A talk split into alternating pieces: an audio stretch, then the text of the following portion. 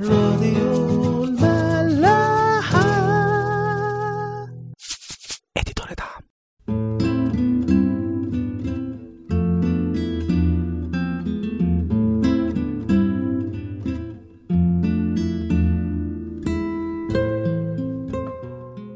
متى 8 أعداد 18 ل 22 ولما رأى يسوع جموعا كثيرة حوله أمر بالذهاب إلى العبر. فتقدم كاتب وقال له يا معلم أتبعك أينما تمضي. فقال له يسوع للثعالب أوجرة ولطيور السماء أوكار وأما ابن الإنسان فليس له أين يسند رأسه. وقال له آخر من تلاميذه يا سيد ائذن لي أن أمضي أولا وأدفن أبي. فقال له يسوع اتبعني ودع الموتى يدفنون موتاهم. نفس الكلام برضه هنلاقيه في تسعة. آه، خلونا نقرا كده من أعداد 57 ل 62 هو تقريبا نفس الكلام. وفيما هم سائرون في الطريق قال له واحد يا سيد أتبعك أينما تمضي. فقال له يسوع للثعالب أوجرة ولطيور السماء أوكار وأما ابن الإنسان فليس له أين يسند رأسه. وقال لآخر دي بقى الحتة اللي فارقة شوية إنه هو المسيح اللي بادر وقال للشاب ده كده اتبعني. فقال يا سيد ائذن لي أن أمضي أولا وادفن أبي فقال له يسوع دع الموتى يدفنون موتاهم. وأما أنت فاذهب ونادي بملكوت الله. وبعدين في حتة بقى زيادة من نلاقيها في لقا وقال آخر أيضا أتبعك يا سيد ولكن ائذن لي أولا أن أودع الذين في بيتي. فقال له يسوع ليس أحد يضع يده على المحراث وينظر إلى الوراء يصلح لملكوت السماوات؟ مساء الخير أهلا بيكم في حلقة جديدة وصعبة من عيش وملح. يعني بتهيألي الآيات دي أو الموقف ده ممكن يكون من آه، أصعب المواقف للمسيح يعني من حيث الفهم أو القبول. ما كانش هو الأصعب يعني على الإطلاق.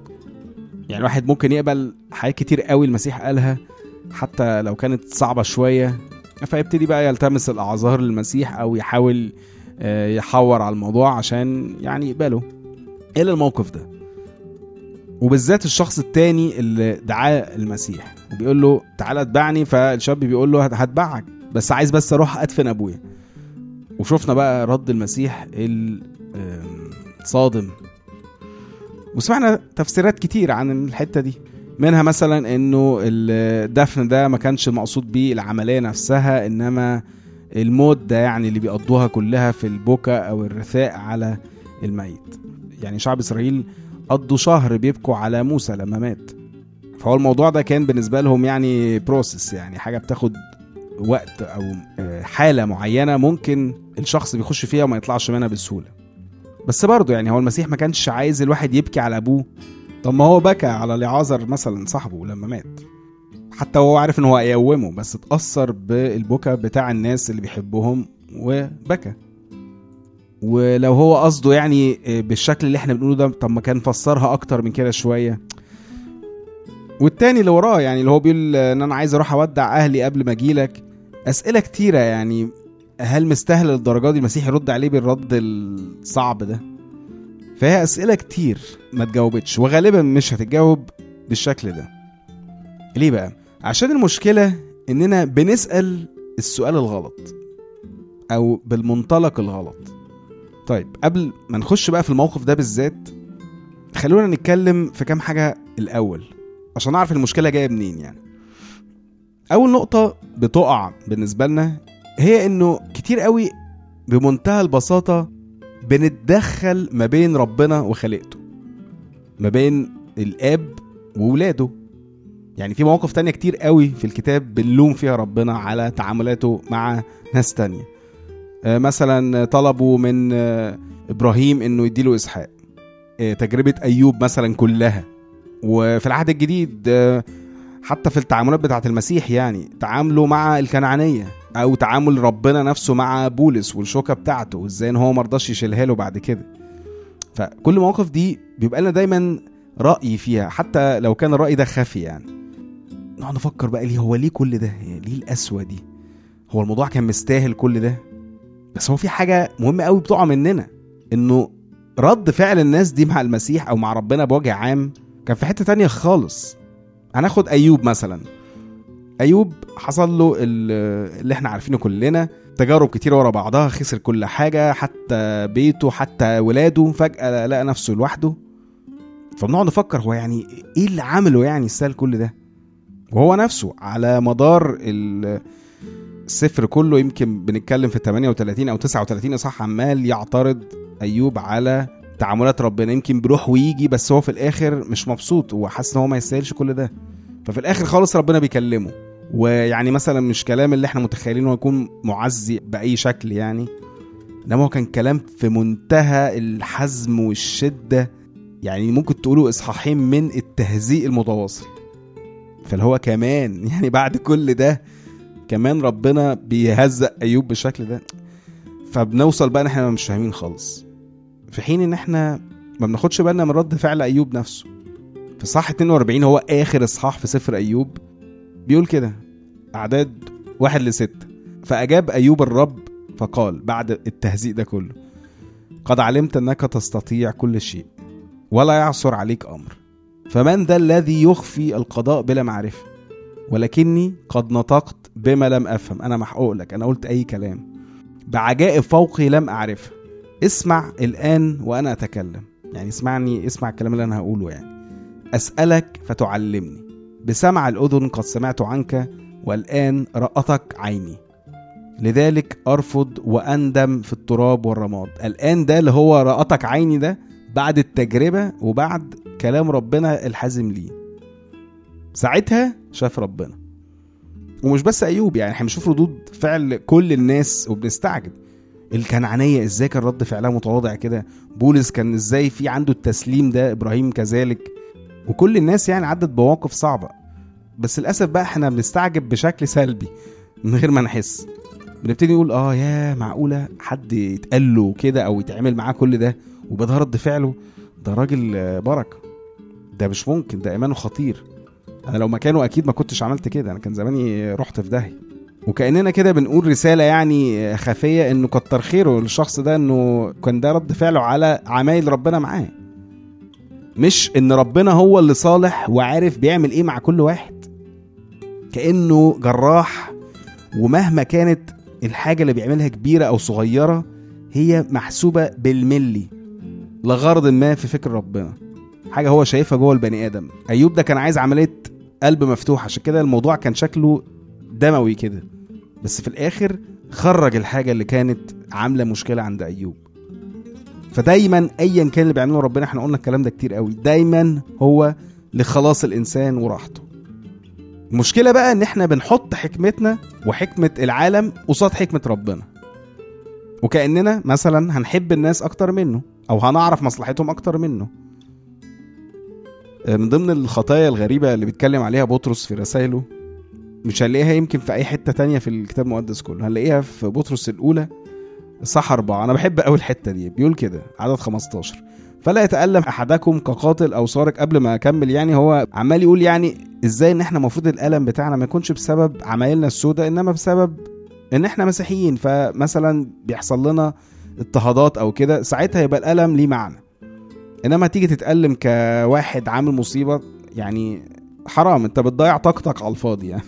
فهو بقى بيقول كده فلا يتألم أحدكم كقاتل أو سارق أو فعل شر أو إيه بقى أو متداخل في أمور غيره. شوف هو ساوى ما بين القتل والسرقة وفعل الشر ايا كان مع التداخل في أمور الغير. يعني أنا نحشر مناخيري فيما لا يعنيني. فإذا كان بطرس بيتكلم على الأمور اللي بيننا وبين الناس التانية إيش حال بقى اللي بين ربنا وولاده؟ لما إحنا بنتدخل بقى فيها ونقول إيه ده هو ليه بيعمل كده؟ هو إزاي بيعمل كده؟ هو إزاي الشخص ده مستحمل؟ هو لحد إمتى ربنا هيبقى بيتعامل بالشكل ده؟ يعني أنت مالك؟ عشان كده لازم تقرأ كلام أيوب ده تاني. اعرف حجمك واعرف حكمتك أو مقدار حكمتك اللي هي طبعا ولا حاجة بالنسبة لربنا. عشان تبتدي تغير أصلا طريقة أسئلتك عن تعاملات ربنا مع الناس. فتتحول بقى من قلب داخل بيدين للقلب اللي فعلا عايز يفهم ويتعلم.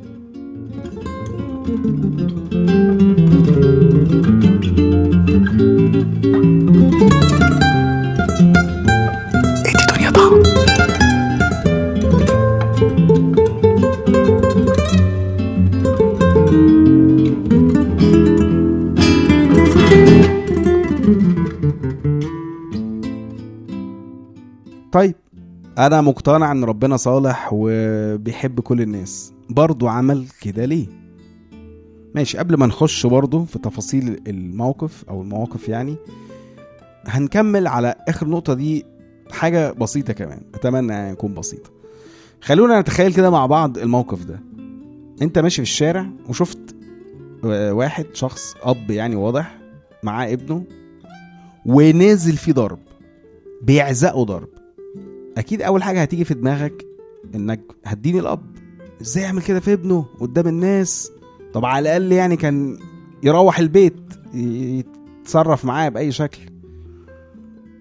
طيب هناخد بقى نفس الموقف ده بالظبط بس هنغير حاجة بسيطة. إن أنت عارف الأب ده ده واحد صاحبك. عارفه كويس عارف شخصيته عارف إزاي إن هو بني آدم كويس وعارف إزاي إن هو بيموت في عياله. فلما تشوف الموقف ده أكيد هتقول إيه ده؟ خبر هو إيه اللي عمله ال- الولد عشان ياخد العلقة دي؟ شايفين بقى التون اتغير إزاي؟ هتبقى بتميل أكتر إنه الولد هو اللي عمل مصيبة خلت الأب يتعامل بالشكل ده. ايا كان بقى فهمت أو لأ. ودي المرحلة اللي إحنا بنتكلم عليها بقى من أول حلقة. الثقة دي. إني واثق إن في جزء من المشهد مقتطع. زي ما بنشوف بقى دلوقتي إزاي الميديا لما بتكون منحازة بأي شكل هو طبعا كل الميديا في العالم دلوقتي منحازة لحاجة معينة فممكن يبقى نفس الخبر نفس الحادثة حاصلة في كذا حتة وكل واحد بياخدها بشكل معين عشان يثبت وجهة نظره. فيقوم يقتطع الجزء ده اللي هو مريحه أو اللي هو بيميل ليه فاللي بيتفرج يدين اللي بيحصل من غير ما يفهم القصة الكاملة. وده اللي بيقع مننا برضه في كل القصص دي إننا مش عارفين باقي القصة فبنملى الفراغات دي من دماغنا. على حسب اتجاهاتنا أو آه، انحيازاتنا. ايا كانت هي إيه على فكرة حتى لو أنا انحيازي ناحية ربنا فأنا برضو ببقى متعصب لربنا. فببتدي أحط آه، كلام مش مقنع عشان خاطر أثبت إن ربنا ده كويس. مع إنه مش ده الغرض برضو. الغرض إنه طالما الموضوع اتذكر بالشكل المختصر ده إني أفهم إيه رسالة المسيح في الحيز ده. المسيح بقى اللي هو بين قوسين زي ما اتفقنا بقى خلاص المحب الصديق اللي بيوصل إرادة الآب أيا كانت الظروف أو أيا كان هيتفهم إزاي. فيعني هقول لكم قصدي إيه. تخيل في الموقف اللي إحنا بنتكلم فيه ده إنك عرفت تفاصيل زيادة عن الثلاث شخصيات اللي المسيح اتعامل معاهم.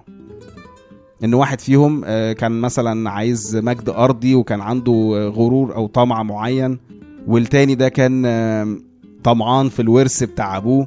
والتالت آه، كان بيحور عشان يتهرب بالمسيح هل ده يعني هيخليك ترتاح ناحية رد فعل المسيح إن هو بيتعامل معاهم بالشكل ده؟ أكيد لأ. ولو بيخليك ترتاح يبقى أنت ماشي غلط. لأنه التفسيرات دي كلها هتبوظ الغرض الأساسي لرسالة المسيح مع الناس دي ايا كانت الأجندز اللي عندها أو شخصياتها عاملة إزاي. يعني إحنا مش محتاجين نفهم أصلا القصص اللي وراها. ده مش موضوعنا. دي حلزونات ومتاهات بيدخلنا فيها الشيطان عشان ما نبصش للغرض الأساسي بتاع كلامه. واللي هو أصلا تكملة يعني الايات كتير قالها المسيح في حتت تانية له 14 26 إن كان أحد لا يأتي إلي ولا يبغض أباه وأمه وامرأته وأولاده واخوته وأخواته حتى نفسه أيضا فلا يقدر أن يكون لي تلميذا يعني هو ده الكلام اللي أسهل. متى 10 نفس الكلام. لا تظنوا إني جئت لألقي سلاما على الأرض. ما جئت لألقي سلاما بل سيفا. فإني جئت لأفرق الإنسان ضد أبيه والابن ضد أمه والكنة ضد حماتها وأعداء الإنسان أهل بيته. من أحب ابا أو اما أكثر مني فلا يستحقني ومن أحب ابنا أو ابنة أكثر مني فلا يستحقني ومن لا يأخذ صليب ويتبعني فلا يستحقني ما أنت لو بتسمع الآيات دي كلها وأنت مش عارف مين هو المسيح وإيه شخصيته عمرك ما هتفهم هو عايز إيه. من غير بقى ما تضحك على نفسك. انت جواك هتقول ده ده جنون عظمة دي دي غيرة مفرطة ده حب الذات مش طبيعي. إيه الإله اللي عايز كل ده لنفسه يعني؟ حتى لو مش بتقولها بصراحة عشان خايف تكون بتجدف مثلا بس هو ده اللي جواك. واللي جواك ده عامل حيطة بينك وبين ربنا والمشكلة إنك مش عارف تهدها. ليه؟ لأنك مش عايز تعترف إنها موجودة أصلا. لا واجه الحقيقة دي. اعرف إحساسك الحقيقي ناحية كلام ربنا وناحية ربنا. اعرف الحواجز دي شوفها عشان تعرف تهدها. في كورنثوس الثانية صح العاشر أعداد 3 ل 6 يمكن حتة مش بنقراها كتير مش بنخبط فيها كتير بس هي حتة حلوة جدا. بولس بيقول كده لأننا وإن كنا نسلك في الجسد لسنا حسب الجسد نحارب. إذ أسلحة محاربتنا ليست جسدية بل قادرة بالله على هدم حصون. هادمين ظنونا وكل علو يرتفع ضد معرفة الله. كل الكلام ده جوانا. ومستأثرين كل فكر إلى طاعة المسيح. ومستعدين لأن ننتقم على كل عصيان متى كملت طاعتكم. الآية دي طبعا ممكن نلاقيها ب wording أو يعني كلام أسهل من كده شوية بس أنا بحب دايما أقرأ يعني ال version الأصلي ليها. بس هو من الواضح إن بولس بيقول نفس الكلام اللي إحنا بنتكلم فيه. على هدم أي حصون أو ظنون أو كل حاجز بيرتفع ضد معرفتنا بربنا واللي بيمنعنا عن طاعة المسيح. فهي آيات فعلا مهمة قوي يا ريت نبقى نقراها تاني بالراحة أو بترجمة تانية يعني لو هيكون أسهل. طيب هو ما فاضلش وقت كتير قوي نتكلم عن المواقف نفسها وليه ممكن يكون المسيح قال كده وده كويس الحقيقة يعني. لأن زي ما كنت بقول في النص إنه التفسير بتاع المواقف نفسه دي آخر حاجة ممكن نتكلم فيها. ونحاول بقى نفسر كلام المسيح عشان شاكين في نواياه أو في حكمته أو في محبته أو ايا كان بقى اللي في دماغنا. بس برضو خلونا ناخد الموقف الأكتر جدلا حتى. وهو بتاع لقى 9 59 60 اللي هو لما قال لواحد اتبعني فقال له يا سيدي اذن لي أن أمضي اولا وأدفن أبي. فيسوع قال له دع الموتى يدفنون موتاهم أما أنت فاذهب ونادي بملكوت الله. ماشي. كلام زي ما قلنا صعب وتقيل ومش فاهمينه جاي منين بس واحدة واحدة. كام سؤال كده بديهي لو سألناهم لنفسنا هيودونا في حتة تانية خالص. طيب هو الأب ده فعلا مات يعني؟ ولما هو مات الشاب ده كان بيعمل إيه أصلا مع المسيح في الوقت ده في المكان ده؟ مش كان المفروض يكون في ساعتها بيدفنوا يعني هو أكيد مش سايبه في البيت ونازل. واليهود أصلا ما كانش عندهم الكلام ده إن هم مثلا ممكن يسيبوا الجسد ده كذا يوم لا هو لازم يدفن في يوميها. فاذا الجملة دي مش مقصود بيها دفنه عشان هو فعلا مات. إنما المعنى الأقرب إنه أبوه في أيامه الأخيرة. فاللي هو يعني بيقول له خليني أخلص اليومين دول كده وآجي أتبعك على رواق من الآخر يعني. يعني ماشي بس برضه المسيح برضه كان شديد معاه. طب خلونا بقى إيه نسأل سؤال تاني. هو قال أنا عايز أروح أدفن أبويا ولا عايز أروح أرعى أبويا واخدمه؟ لا هو بيتكلم في الدفن دلوقتي فواضح إن الغرض مش إن هو ياخد باله منه أو في مرضه مثلا. أنا مش بقول يعني هو كان وحش أو كويس أنا بس بقول معنى كلامه. ممكن يكون كان عنده ناس كتيرة بترعاه وما عندوش المشكلة دي يعني بس هو بيتكلم دلوقتي في المراسم بتاعة الدفن والعزا والورث ومين هياخد إيه والحوارات دي كلها. هو ده اللي هو بيتكلم فيه. وعشان كده ده كان رد المسيح عليه إنه يا ابني سيب الكلام ده للي ميت. مين بقى اللي هو اللي ميت؟ اللي ميت عني اللي ميت عن الملكوت اللي ميت على العالم. سيبه هو ده اللي يدفن ويورث. بس ده مش هيديك أنت أي حياة الحياة مش موجودة غير عندنا. لأن هو نفسه قال كده أنا هو الطريق والحق والحياة. تعال عندي أنا عشان تعيش. فتخيلوا بقى إن الجملة القاسية اللي قالها المسيح دي وراها في الآخر تحذير من الموت في العالم ودعوة للحياة في ربنا. والأغلب بقى كمان إن الشاب ده بالذات المسيح كان شايف فيه حاجة هو نفسه مش شايفها. بدليل إن هو اللي راح دعاه. ما كانش هيدعوه ابدا غير لو هو شايف فيه الحاجة دي. زي ما المسيح دعا كل التلاميذ. فإحنا ممكن بقى ساعتها نبتدي نتخيل كمان الطريقة اللي قالها له بيها المسيح. بص له بقى في عينه وقال له يا ابني سيبك من الهري ده كله وما تدخلش نفسك فيه انت أحسن من كده. سيب ده كله وتعالى اتبعني.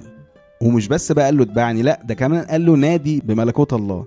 يعني انت فيك موهبة وقوة ووزنة للبشارة هتدفن لو دخلت نفسك في العك ده. يعني أتمنى إن الكلام ده يكون غير شوية وجهة نظرنا ناحية الحتة دي وإزاي التشويه اللي الشيطان دايما بيحاول يعمله معانا ناحية أي موقف جدلي في الكتاب كله. آية جميلة قوي بقى ربنا قايلها في العهد القديم بتنطبق مع كلام المسيح هنا بشكل عام. خلينا نقرأ لكم الحتة كلها كمان هنلاقيها في تثنية 30 15 ل 20 ربنا بيكلم شعبه بس هو بيكلمه بصفة المفرد بيكلم الإنسان يعني. بيقول له كده انظر قد جعلت اليوم قدامك الحياة والخير والموت والشر. بما إني أوصيتك اليوم أن تحب الرب إلهك وتسلك في طرقه وتحفظ وصاياه وفرائضه وأحكامه لكي تحيا وتنمو ويباركك الرب إلهك في الأرض التي أنت داخل إليها لكي تمتلكها فإن انصرف قلبك ولم تسمع بل غويت وسجدت لآلهة أخرى وعبدتها العالم فإني أنبئكم اليوم أنكم لا محالة تهلكون هتموت. لا تطيل الأيام على الأرض التي أنت عابر الأردن لكي تدخلها وتمتلكها أشهد عليكم اليوم السماء والأرض. قد جعلت قدامك الحياة والموت. هي دي بقى الحتة اللي أنا كنت يعني أصلا عايز أقولها. البركة واللعنة. فاختر الحياة لكي تحيا أنت ونسلك. قدامك الحياة والموت. اختار الحياة. إذ تحب الرب إلهك وتسمع لصوته وتلتصق به لأنه هو حياتك والذي يطيل أيامك لكي تسكن على الأرض التي حلف الرب لآبائك إبراهيم وإسحاق ويعقوب أن يعطيهم إياه. بتهيألي يعني مفيش كلام تاني يتقال. معلش لو طولت عليكم نشوفكم الحلقة الجاية.